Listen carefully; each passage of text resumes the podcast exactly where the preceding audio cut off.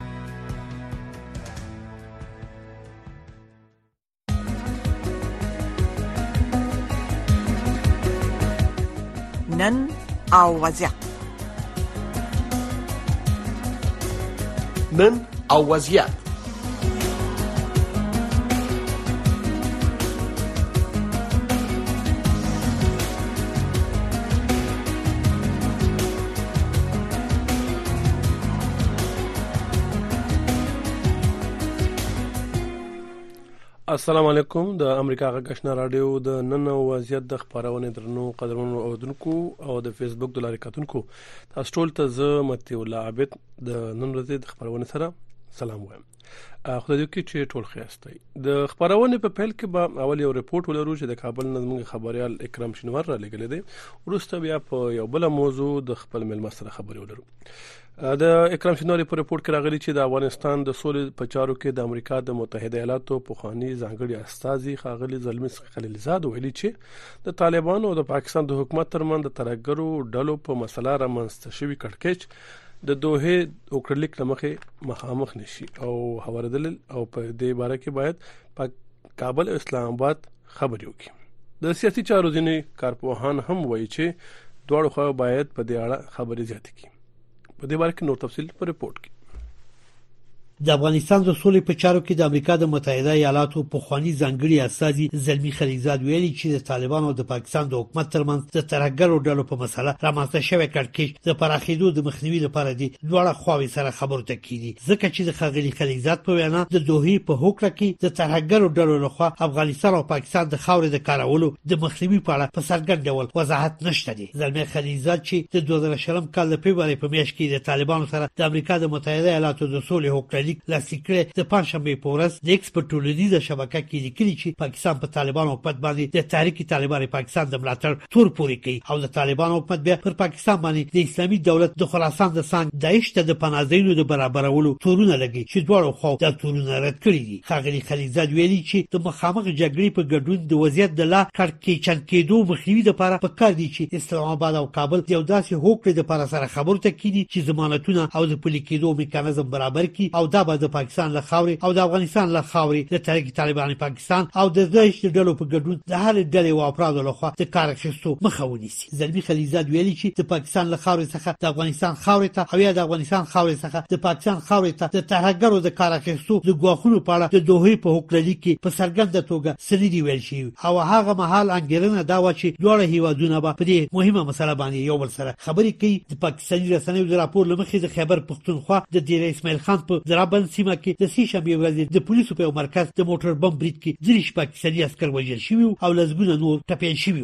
پاکستان حکومت د ډیر اسماعیل خان د برید وروسته د طالبان حکومت څخه غوښتي چې د دې پیښې امیرین او د تحریک طالبان پاکستان مشران دي ونیسي او اسلام آباد ته دي وسپاري د طالبانو د حکومت ویاند ذبی الله مجید افغانستان سره دغه برید تړاو رد کړي او ویلي دي چې د پاکستان حکومت د دې برید په تړاو افغانستان ته شواهد برابر کړي پړاوې پلټنې د طالبانو د حکومت د سرحدونو قبایلو او قومونو د وزارت سرپرست ملا نورالله نوري د پنجشنبې په ورځ کابل کې یوې غونډې ته په وینا کې ویل چې حکومت د هیڅ ګاونډي سره د اړیکو خرابول نه غواړي بلکې هڅه کوي چې د خپلو ګاونډیانو سره سوداګریزي اړیکې لا پراخې موږ د چا کور ته ناست نه ورغځوو او نه مو ورغځولی ده موږ غواړو چې د ګاونډیانو سره حسنه روابط ولرو او راکړه ورکړه صادراتو وارداتو تجارت معاملات ولرو موږ د دنيا والو له پانګونې څخه استفاده وکړو خپل ملک آباد کړو رشت ورکړو دا مو سياست ده له ګاونډيانو سره هم دغه مو سياست ده له نورې نړۍ سره د نړۍ سره د اسلامي نظام يا د اسلامي حقوقو يا د اسلام د قوانينو په چوکاټ کې موږ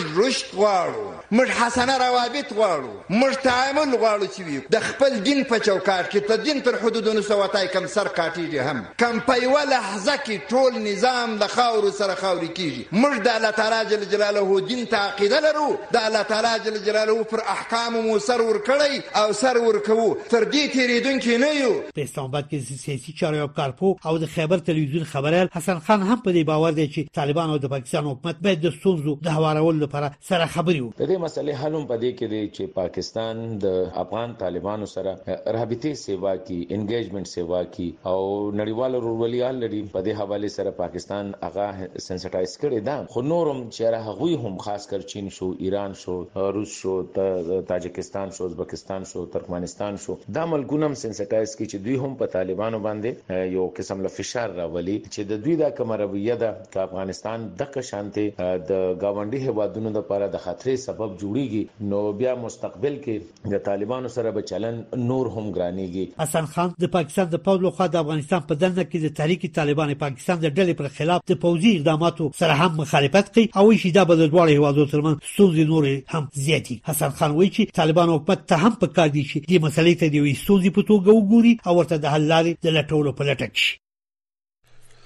د امریکا غږشنا راډیو درنوونکو تاسو موږ د خبريال کرم شنوار رپورت وردو اوس برا شو بل موضوع ته وایي چې کاناډا 315 نور افغان کټوال د پاکستان څخه کاناډا ته انتقال کړي دي دغه بهیر روان دی او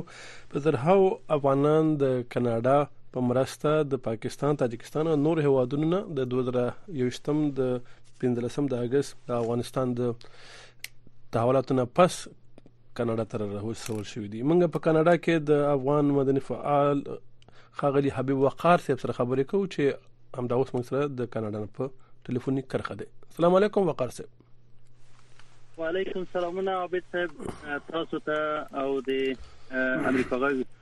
رادیو کارکونکو او ریدونکو ته سلامونه او درناوی وړاندې کوم ډیر مننه تاسو خپل کله کاناډا ته راغلی یاست صاحب ابي صاحب زما خو یو کال او درې میاشتې کې کاناډا ته راغلم یعنی په دې بهیر کې چې دا کاناډا شروع کړې ده کې تاسو راغلی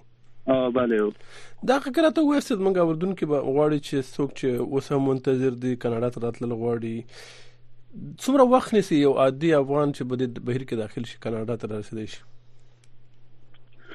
دغه نظر دی خلکو ته کیس پورې اړه لري ځینې کسان داسې چې او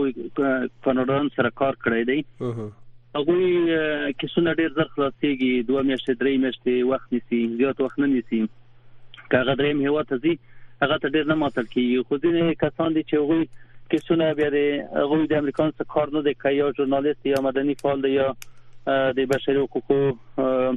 کارکونکي دی نو هغوی بیا مجبور دي چې یو بهرنۍ اورګان یا بهرنۍ مدني بنسټ ته دوی ملاتړ وکړي په دې صورت کې د غوي ډیری کسانو و میاشتې اته میاشتې لس میاشتې حتی تر یو کال پورې هم وخت نیسي ځینې کسان داسې هم دي چې غوي نظامی برخو کې کار کړی په پخوانی په جمهوریت کې یا جمهوریت نه په خو وختونو کې یعنی هغه روسیا کې ذکر کړی یا نور هیوادونو کې ذکر کړی یوه کې څونه ډیرې تر دوه کالو پورې مو وخت نسی ځکه وی ډیر تحقیق غواړي ډیر څېړنه غواړي نو ته په دې ډول ډیرې کسان غږ کسان په ترکیه کې تاجکستان کې پاکستان کې نورو ځای کې ډیری وخت باندې تیر شوی دی صحیح نو دا نظر کې څه فرق لري د ځینو کسانو کې څونه یو ډول دي ځینو بل ډول دي ځینې کسان ډېر سخت مشکلات سره مخ شوي دي اوس هم پاکستان کې ډېری افغانان پراته دي چې کیسونه نه پاتېږي دا پروسه ولې ولې د انټرویو ولې ټیکټور شوی خو تر اوسه پورې پاتې دي وقار صاحب د غټ شکایت کیږي موږ څومره رپورټونه درلودو حتی ډیر خلک د ځوانو وژنو پیښم شوې دي چې دومره مایوسی او انتظار او یو قسم ته څه فکر کوي چې ولې دومره ځنډېږي دا پروسه نه پیږي یو خو د کاناډا خپل د داخلي هغه دی پروسه ده د غوي خپل کارونه دي چې څه ډول یې مخ کې وړي او بل لاس چې کډوالو بهیرم ډیر زیات وو اوس کډوالم کم شوی دی نظر په خاطر چې تیر کال وو په 2021 کې او 2022 کې سږ کال پروسه ډیره چټکه شوې ده ډیری کسان وخت څلور میاشتې پنځه میاشتې زیات وخت نه نیسي زر راځي صحیح دا یو شکایت تاسو کې د شالته وی یو خبر یاستئ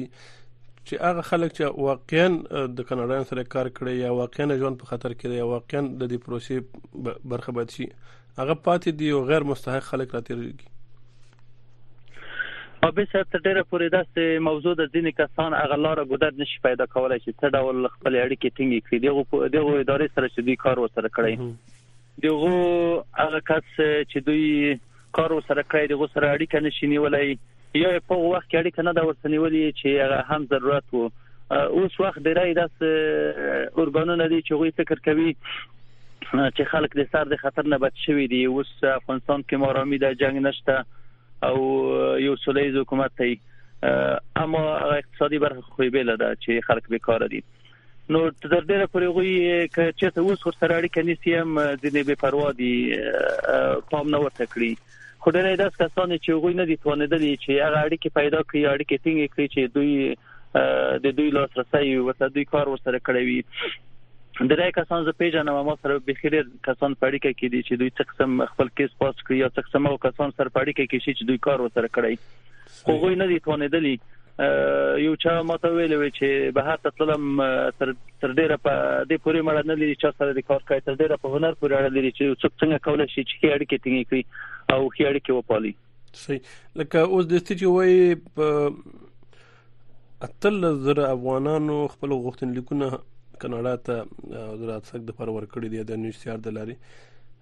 او څلويخ زره ژمنه کړو کاناډا نو دغه باقی نور هم دی غواړي چې راولي څنګه ځینې کسان داسې دي چې هغه ته یې کیس ورکړی دی دغه څلوي زره کسان چې دي د تر اوسه پورې ټول نه دی راغلي ته هغه مخکې دا خبر نه خبره شو چې یو څلوي زره کډو څلوي زره کسان راغلي دي نه هغه کې سپانسرشپ هم داخل دي چې کوم کسان دغه وخت نه د 2020 د 15 اگست نه ورسته حساب شوی دی هغه تقریبا 300 زره تر رسیدلې دي خو په کې د رای سپانسرشپ دي د رای نور کسانو د کوم چې داخل شوی دی په کې ټول لیکل شوی د رای داس کسان دي چې غوي ته کیس ورکړ شوی دی هغه تر اوسه پورې یا افغانستان کې دی یا پاکستان کې یا کاناډا ته نه دی راغلی هغوی په دغه څلور زرو کې شامل دي او څومره چې موږ خبر یو د نور کسان هم کوم چې چې دوی غواړي کاناډا ته راشي او د هغو شرایط او اصول برابر وي هغه کاناډا ته راولي یعنی څلور زرو نورسته هم د پروسه نه درېږي صحیح هغه افغانان چې حالت دي تاسو کور سره تماس کې یاست ځکه چې پاکستان په دې ورستیو کې غیر قانوني اسناد لرونکو یا بې اسنادو افغانان بیرته وطن ته واستي دغه کاناډا ته منتظرین خو به د دې نه مبارای کنه تر ډیره پورې خو کاناډا او امریکا ته کوم کسان په پا پاکستان کې انتظار دي هم امریکا او هم کاناډا هغه ته لیکونه لګلې دي کاناډا غوي ته لیک لګلې دی د غوي د کورنۍ د غړو شمیر ټول په کې لیکل شوی دی چې تاسو کولای شئ تر هغه پورې چې تاسو کیس پاس کیږي او تاسو کاناډا ته ځئ پاکستان حکومت تاسو نشي وستلای خو دا مسله دا ست چې په پاکستان مسل موږ افغانان تر ډیره معلوم دي په هر حالت کې د پاکستان پولیس افغانان زوروي کړي پاسپورت ولري که ویزه ولري که اسناد ولري که ونه لري په هر حالت کې هغوی هغوی ته لار جوړوي یا د پیسو لار یا د زورونې لار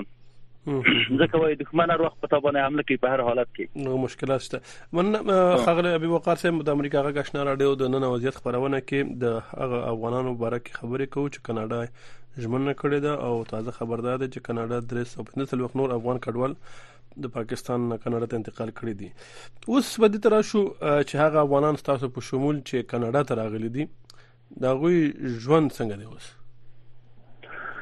به سر د افغانان د ډیرو چیلنجونو سره مخ دي لومړی چیلنج ځینې کسان د کسان ته د لای راغلي دي چې غوي هیڅ ژبه نه درځه په انګلیسي څه نه کوي ځکه غوي په قندارو روزګان او نور لري پروتول ولایتونو کې د کاناډا سره د نجار، ګلکار او آشپز او چوکیدار نور برخو کې کار کړی دی یو هغوی د ډېر ستونزو سره مخ دي او په دویم قدم کې ډېر غټه ستونزه په کاناډا کې د کورونو نشټوالی دی د کورونو نشټوالی دومره غټ مشکل تر رسیدلی چې ډېری کډوالي د ډیپریشن سره مخ کړي دي ژور خپګان سره مخ کړي دي داس کورنۍ هم شته چې بیرته په دوه خاطر چې کور نشي پیدا کولای یا کرایه نشي ورکولای بیرته تللی دي دلته د کور کرایه کدی یو درې اتاقه کور د ټورنټو په شاوخوا کې ښارونو کې نیسي یو درې اتاقه کور 3300 ډالر پورې هغه لري کرایه لري نو دا څه دوه ډول خلک راځي یو هغه چې ډېر اولادونه لري هغه هم د مشکل سره مخ دي هغه چې اولادونه نه لري هم د مشکل سره مخ دي هغه چې ډېر اولادونه لري هغه ته کاناډایان کور نه ورکوي یا ډېر کو مثلا که یو څوک کله اولاد لري یا تا اولاد لري یا شپږ اولاد لري حتما دوی وته چې دوه کسان ته به یو کوټه نیسي مثلا که اته اولاد لري نو څلور کوټې د اولادونو یو د تا 15 کوټې 15 کوټو نه کم کور نه ورکوي او 15 کوټې کور تر څلور نیم زره ډالر کم نه نیول کیږي د بل په لور هغه کسان چې اولادونه نه لري هغه به د مشکل سره مخ دي چې هغه چارټ ټاکس نه لري د ماشومان پیسې نه لري هغه به د کور کرایه نشي ورکوي او یو بل غټ مشکل د کورونو غټ مشکل دا دی چې کاناډان کور نه درکوي تر هغه پورې چې کریډټ سکور ونه لري تر هغه پورې چې کار ونه لري د کار هغه ورقه ونه لري او اکاونټ ته هر هفته کې پیسې نه وی راغلي نو یا هم ګارانټي ونه لري ضمانت کس ونه لري کور نه درکوي یوازې هغه کسان ته دولت همکاري کوي چې هغه په اوله کې راغلي چې کوم خار کې کوشوي په هغه خار کې کور نيسي په اولمړیو کې دولت غوي د خار کور نيسي یعنی هغه ضمانت دولت کې نو خو به کړه خپل ور کوي اما که چېرته د دې ښار نه بل ښار ته کور انتقال کو بیا په هیڅ صورت اولاد تاسو سره همکاري نه کوي خپل به کور نیسي ضمانت خپل ورته پیدا کوي نه نه نو دا د کاناډا حکومت همکاري سره رقم د نو چې دوی دا راولي او غمن دلته موږ امریکا کې شیاستو او افغانان چې په ایساوي کې راغلي دي امریکا حکومت چې دا ضمانت کړي دي کورونه امکانات د کور وسایل یو نفر ورته مقرر کړي کیس ورکر پنوم هغه دا د ټول چارو غمونه خوري تقریبا شپږو میاشتو پورې ارسه ورکي هغه نه پس هم ورسره همکاري کوي دغه شنل ته کاناډا کې نشته عابد صاحب د کور د وسایلو لپاره یوازې څلور زره یا درې زره د شاوخوا کې پیسې هر کورنۍ تحقیقي په هغه ویل کمنی کې حساب وي چې هغه په غلمړنۍ وختونو کې پرته د کور د وسایلو نه خلاصيږي چې څو د کور چارې برابروي کور نسی یو څه بل څه کې هغه خلاصيږي ځکه دا ته ډیره زیاته قیمتي ده نه کور درکوي نه کور وسایل درکوي فقط کاناډا افغانان راولي او دته خوشی کوي او د غټ ډیپریشن سره مخ کوي ان افغانان دته اس اس په کاناډا کې خوشاله نه دي ځکه چې مشکلات د کور د نیولو د کور د پیدا کولو او د کار د پیدا کولو د به حد زیات به حد زیات مشکل نو دا ادوکات صاحب دلته موږ نور هم دا ګورو چې افغانان یو خو د ادارې د ریسټلمنټ ایجنسی چې ورته وایي د مرستو کوم دفترونه دي د مختلفو ادارو له خوانه موسسو له خوانه بل ور سره افغانان په خپل هم دلته ټولنه لري فعالیت کوي هغه هم خپل د وطنوالو سره همکاري کوي پارسه کې کور په مندلو کې امکاناتو کې هغه افغانان چې پوخا کاناډا ته راغلي دا غوي همکاري څنګه د نو افغانانو سره او به صاحب ک د خپل ځان په اړه سړی بد وایي هغه ډیره بد ده که دلته ټولنې شته مخکې ټولنې جوړ کړي دی غوښنه دي توانېدل چې ټول افغانان په ځان راټول کړي دلته کاناډا کې تورنټو کې نور سره کې ډېر ټولنې شته هغه توانېدل دي فقط یو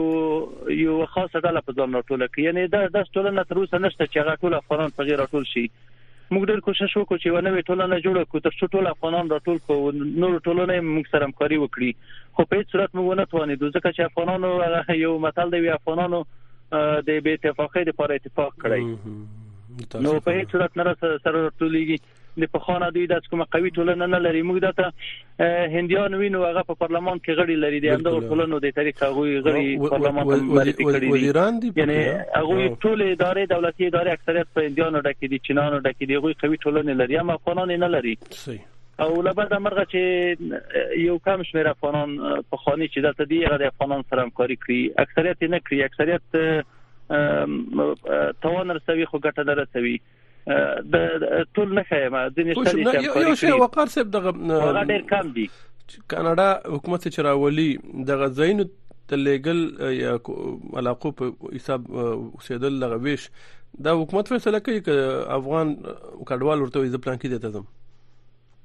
هغه اوله کې چې فورم ډکی په غي کې خو لیکل شوی دی چې غواړي کوم کار ته لاړ شي خو په غي باندې تا غي کار ته نه لګي یوازې هغه کسان هغه کار ته وړي چې هغه سپانسر وي ځکه چې هغه وی کورنۍ یو چا سپانسر کړی وي هغه کورنۍ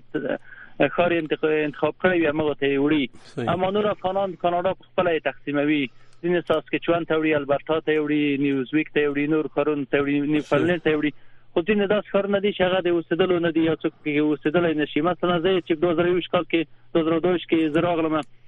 موږ د منیټوبا ډېر یو لري یو لسوالې ته یو وړو او ولسوالۍ کې یو افغان هم نه و مسلمانان هم پکې داسې د ګوت پښمیر یو څوک ورو ټول هغه نفوس د ټول ښار لازره کسان وو ان هیڅ داسې د ژوند هغه نو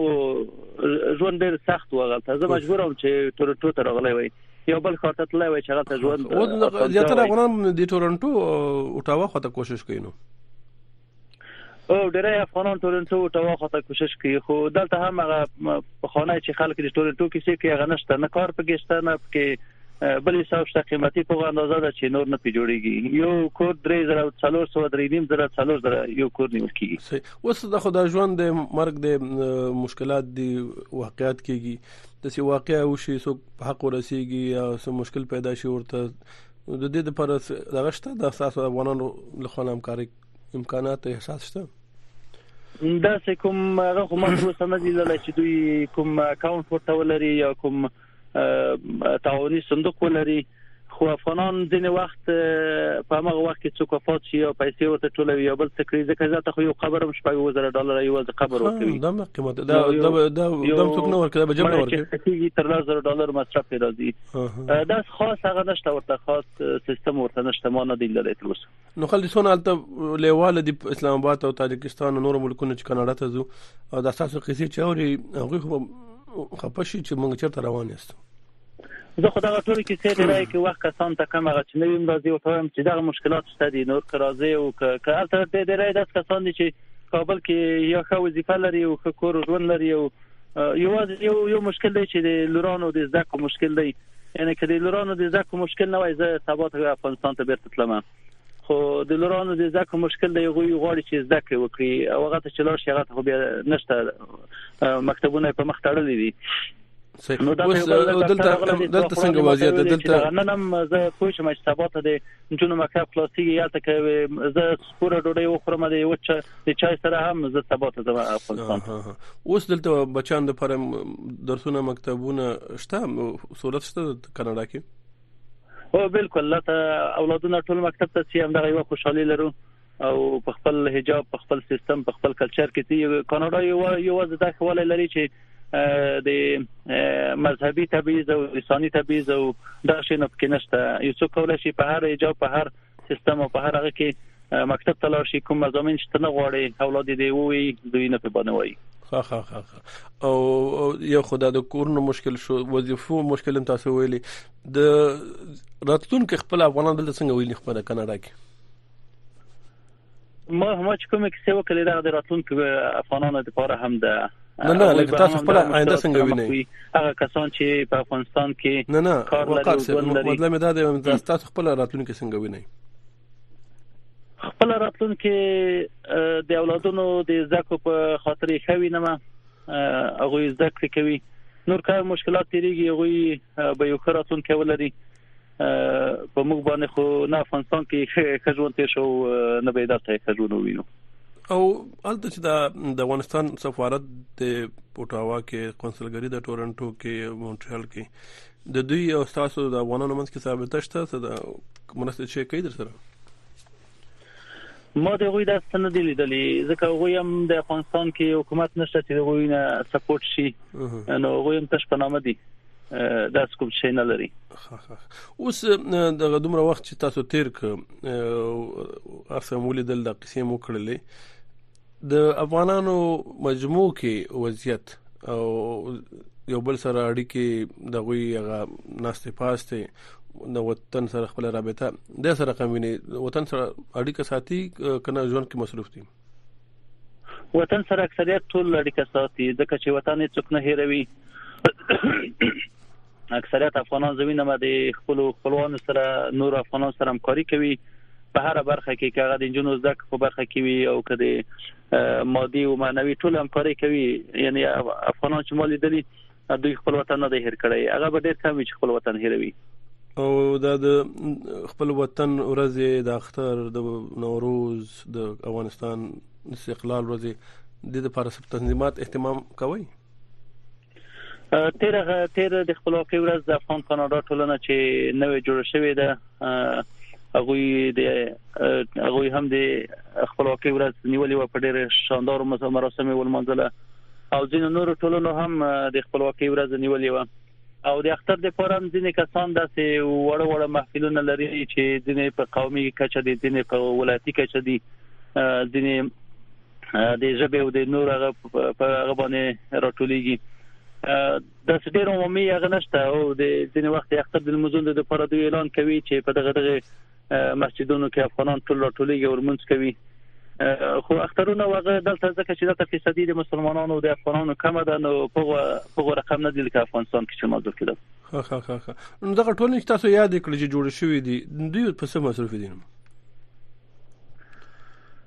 د دوی تر ډیره پورې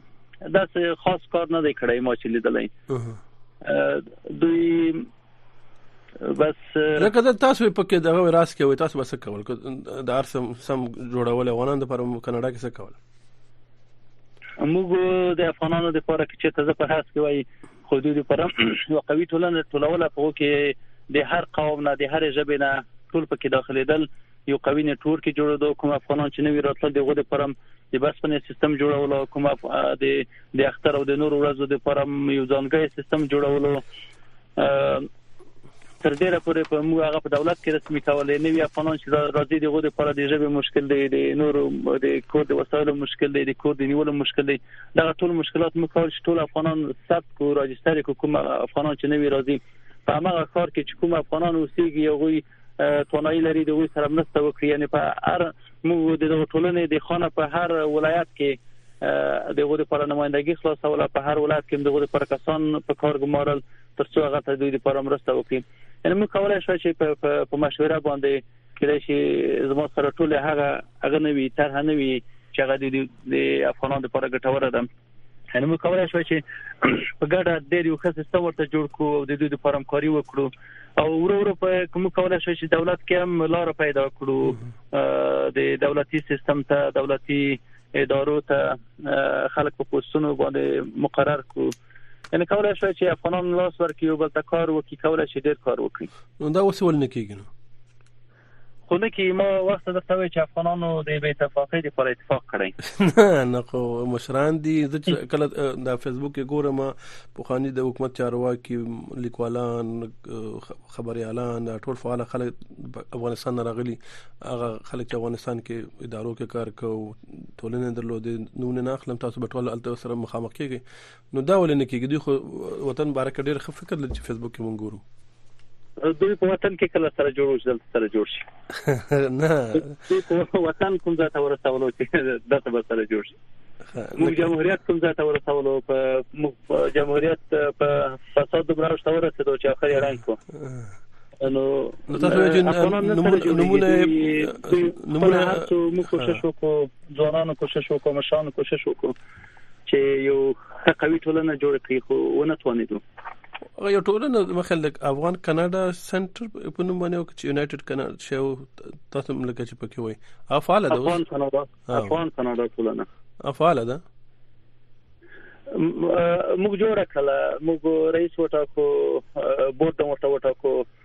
خو وروسته د څو ورځو نه رئیس استعفا ورکړه د بورډ څو غړو استعفا ورکړه د دغه رئیس په شپږ و میاشتې وتلې دی وروسته دغه نه چې دی غړي برته برته انتخابات وکړي برته هغه بورډ جوړ کړي او سیستم درته جوړ کړي خو تر اوسه نه یو توانېدلی تر اوسه نه دی توانېدلی البته یو مشکل دا دی چې کاناډا کې وضعیت د افغانانو لپاره خنه دی پریشان دي کورونو کراګانې دي بیکاری ده نور ستونزې دي تشويش دي او بل خپل افغانان هم ملک سره جوړ نه دي نو مختلف اړخونه افغانان چې د ټول مشکلات نه وی چې راغلي هغه